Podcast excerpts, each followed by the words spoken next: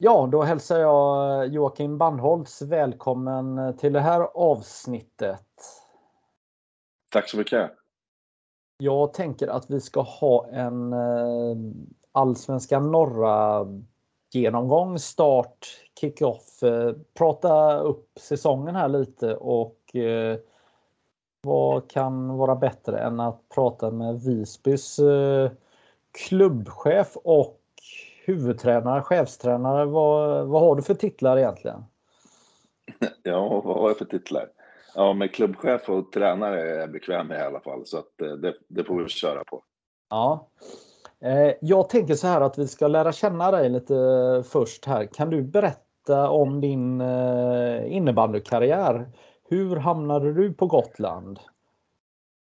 Ja, hur hamnade jag på Gotland? Men dels så är det väl så att mina, mina föräldrar är gotlänningar och uppväxta här och eh, jag började min innebandykarriär i Tyresö.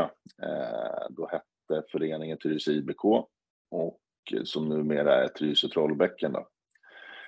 Eh, och via min, min kusin egentligen så eh, hamnade jag efter jag hade spelat i högsta serien, det hette väl elitserien på den tiden, Ja. Med, eh, spelade med Högdalen med massa legender inom innebandy med Niklas Wengelin bland annat. Eh, och eh, ja, hamnade på Gotland. Eh, tänkte att jag skulle göra någonting annat. Ungefär som många tänker när man flyttar till Gotland. Man är, man är här något år och sen, sen ska man flytta hem. Eh, och nu har det väl gått eh, 26 år har jag bott här nere och eh, har väl varit verksam i tre, nej, fyra olika föreningar på Gotland eh, som spelare då i, i Graip och hade även hand om deras damlag då. Eh, och sen spelade jag i ett lag som heter Gråbo. Eh, och sen eh, vidare tränade ett tjejlag, eller ett damlag i näst högsta serien som heter Follingbo Flyers. Och sen eh, även spelare i Visby IBK då och sedermera också tränare i Visby IBK. Och för en tre, fyra år sedan så fick jag chansen att bli anställd i förening som sportchef och sen har den där eh, anställningen ja, blivit lite annorlunda idag då. Dels via, via att vi behövde någon som var, tittade kanske mer på hela organisationen än bara A-laget. Eh, så att efter ett år så gjorde man om min tjänst till en klubbchefsroll och eh, sen med våran eh, ordförandes egentligen påtryckningar så tyckte han att jag också skulle bli tränare så att, eh, då blev jag det förra, förra säsongen. Då. Ja, smart. Då eh. sparar man ju pengar här. Du eh, gör allt. ja, precis. Det, det, det, är klart att vi sparar lite pengar, men, men det ska också vara, ska vara möjligt att göra och, och vi, är, ja, vi har fått gör, lösa organisationen på lite annorlunda sätt bara så att det, Sen är det tränarjobb, det vet ju alla tränare, det är, det är mest kvällar och helger och eh, på dagtid, visst, då kan man scouta och titta eh, på matcher och sånt där som man har eh, spelat eller mött eh, motståndare. Och eh, då har jag ju väldigt bra för eftersom att min andra anställning är i samma förening då, så ja, jag, jag Många tror att det blir väldigt mycket, men jag, men jag tycker det flyter ihop i varandra också, så att det, det funkar faktiskt väldigt, väldigt bra. Ja, och du har styrt upp det också med att din fru eh, eh också är, jobbar i klubben som ungdomsansvarig va? Ja, precis. Eller hon, hon är ju mer ideell faktiskt. Hon, hon, eh, hon men, men eh, absolut, hon, hon hjälper till med den delen, så det är jättebra faktiskt. Ja, ja men det är bra. Du hade två perioder som spelare i Visby då, mellan 20, eh, 99 mm. eh, och 04 och sen eh, 06 07.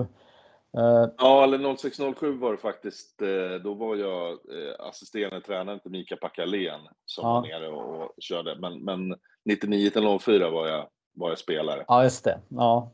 Men när du flyttade till Gotland, då, då kryllade du av innebandyklubbar på Gotland, eller hur? Mm.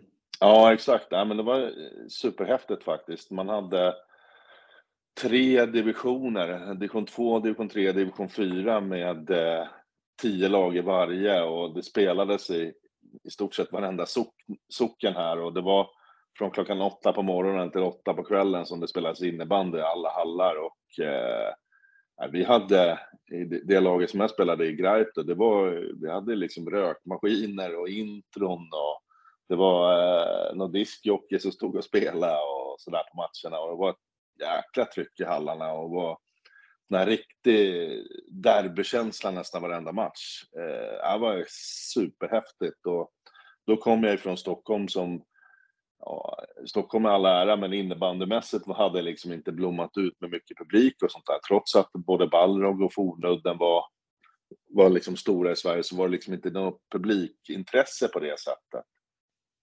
Eh, men här nere hade man det liksom på ganska låg nivå, så det var superhäftigt faktiskt att få vara med om.